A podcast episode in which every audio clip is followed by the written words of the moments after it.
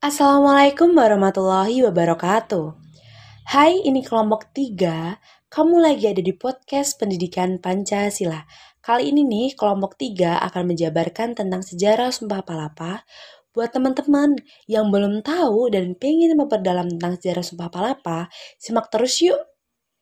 Jadi teman-teman, kerajaan Majapahit merupakan salah satu kerajaan Hindu terbesar yang memiliki pengaruh kekuasaan di wilayah Nusantara yang telah berdiri dari tiga setengah abad dengan meneruskan kekuasaan kerajaan Hindu terdahulu. Kerajaan Majapahit dalam peluasan wilayahnya pastinya tidak terlepas dari peran seorang raja dan Mahapati yang terkenal. Siapa sih teman-teman raja dan Mahapatinya? Hayo siapa? Sebutin coba. Ya, benar teman-teman.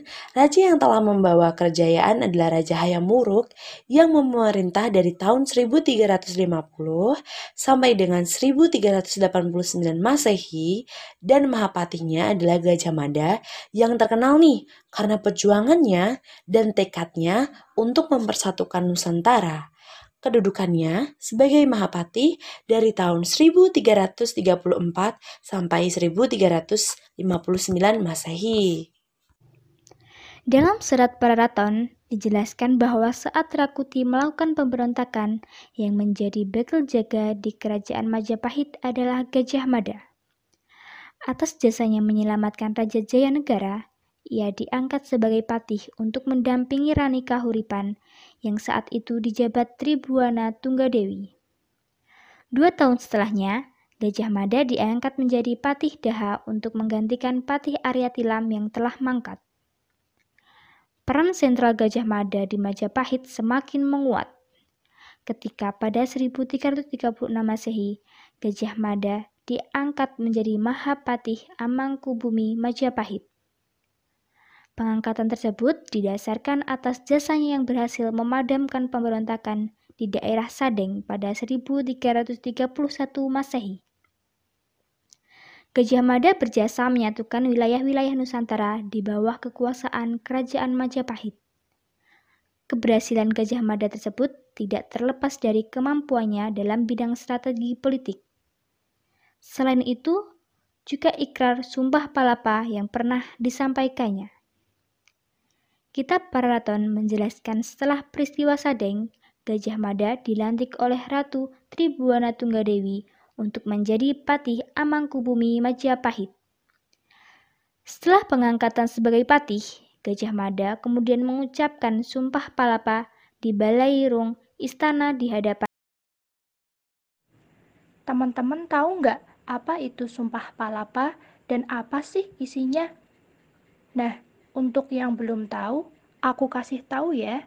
Sumpah Palapa adalah suatu pernyataan atau sumpah yang dikemukakan oleh Gajah Mada pada upacara pengangkatannya dijadikan patih Amangkubumi Majapahit pada tahun 1258 Soko atau 1336 Masehi.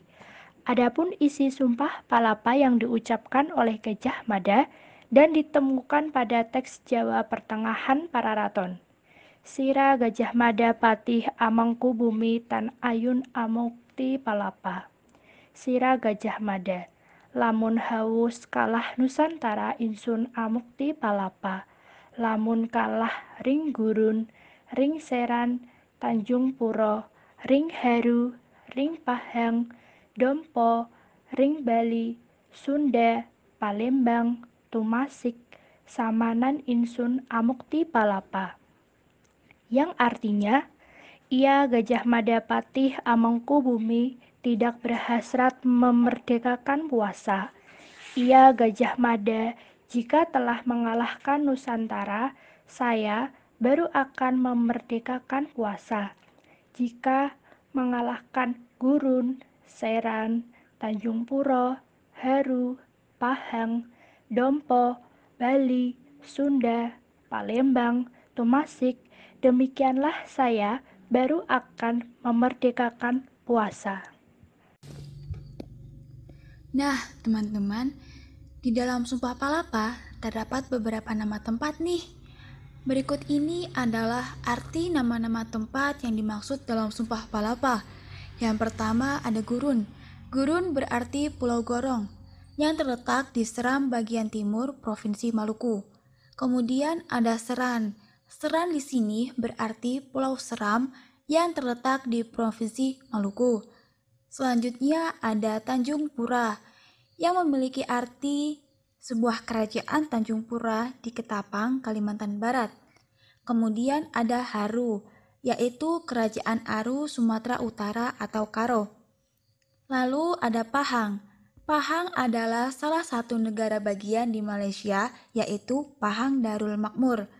Kemudian ada Dompo, berarti Dompu, sebuah daerah di Pulau Sumbawa, Nusa Tenggara Barat. Lalu ada Bali, ya sesuai dengan namanya, yaitu Pulau Bali. Kemudian ada Sunda, ya Kerajaan Sunda yang pernah ada antara tahun 932 dan 1579 Masehi di bagian barat Pulau Jawa. Kemudian ada Palembang, yaitu Palembang atau Sriwijaya yang berada di Pulau Sumatera. Nah, yang terakhir nih, ada Tumasik yang berarti Singapura. Ehm, kira-kira apa ya tujuan Pati Gajah Mada mengucapkan sumpah palapa? Nah, Berikut ini adalah penjelasannya teman-teman. Gajah Mada adalah sosok penting di masa lalu yang sampai saat ini masih dikenang loh. Gajah Mada sering disebut-sebut sebagai ilham dari cita-cita persatuan bangsa Indonesia. Sebab di masa lalu, Gajah Mada lah yang mencetuskan tekad untuk mempersatukan semua pulau-pulau di Nusantara dalam satu kesatuan di bawah kepemimpinan Majapahit. Sumpah Palapa ini sendiri berisi ikrar Gajah Mada yang menyebutkan dirinya akan terus berpuasa dan baru melepas puasa yang dijalankannya apabila cita-citanya menaklukkan sejumlah wilayah terwujud. Dengan demikian, tujuan Gajah Mada mengucapkan Sumpah Palapa adalah sebagai ikrar yang kesungguhannya mempersatukan Nusantara atau pulau-pulau di luar Jawa agar tunduk dalam kekuasaan kerajaan Majapahit. Nah, teman-teman, kejayaan Gajah Mada ini makin memuncak setelah Tribuana Wijaya Tunggadewi turun tahta pada tahun 1351 Masehi. Majapahit dipimpin oleh Hayamuruk pada kala itu. Bersama dengan Gajah Mada, Hayamuruk memimpin Majapahit dan mencapai masa kejayaannya. Selama menjadi Pati Amangkubumi, Gajah Mada telah menerapkan sumpahnya tersebut ke dalam manifestasi politik Majapahit dengan menginvasi beberapa wilayah di Nusantara yang meliputi wilayah Sumatera, Jawa, Madura, Kalimantan, Sulawesi, Maluku, Ambon, Semenanjung Melayu, Irian, hingga Singapura. Selama proses invasi wilayah-wilayah tersebut, tidak ada hambatan yang menjadi kendala. Namun, atas kejadian tersebut, Sumpah Palapa yang menjadi pegangan prinsip bagi Gajah Mada meminta korban dari wilayah yang ingin ditaklukkannya, yakni Sunda Galuh. Pecahnya Perang Bubut di Majapahit tahun 1357 Masehi adalah akhir dari misi Sumpah Palapa dan kepemimpinan Gajah Mada sebagai patih Amangkubumi di Majapahit. Pada perang tersebut, terjadi pertempuran tidak seimbang antara pasukan Majapahit dengan pasukan Sunda yang akhirnya menimbulkan banyak korban dari Sunda. Tindakan Gajah Mada ini sangat disayangkan oleh Hayam Buruk. Saat itu, Hayam Buruk menganugerahi Gajah Mada berupa tanah di daerah Purbolinggo. Namun, penganugerahan ini pun disinyalir sebagai bentuk anjuran halus agar Gajah Mada menjauh dari Majapahit. Jadi gimana teman-teman? Udah pada paham atau masih ngeblank nih? Jadi gini teman-teman, kesimpulan yang dapat kita ketahui dari latar belakang terjadinya Sumpah Palapa dalam kitab Paraton yaitu manifestasi program politik Gajah Mada terhadap kerajaan Majapahit.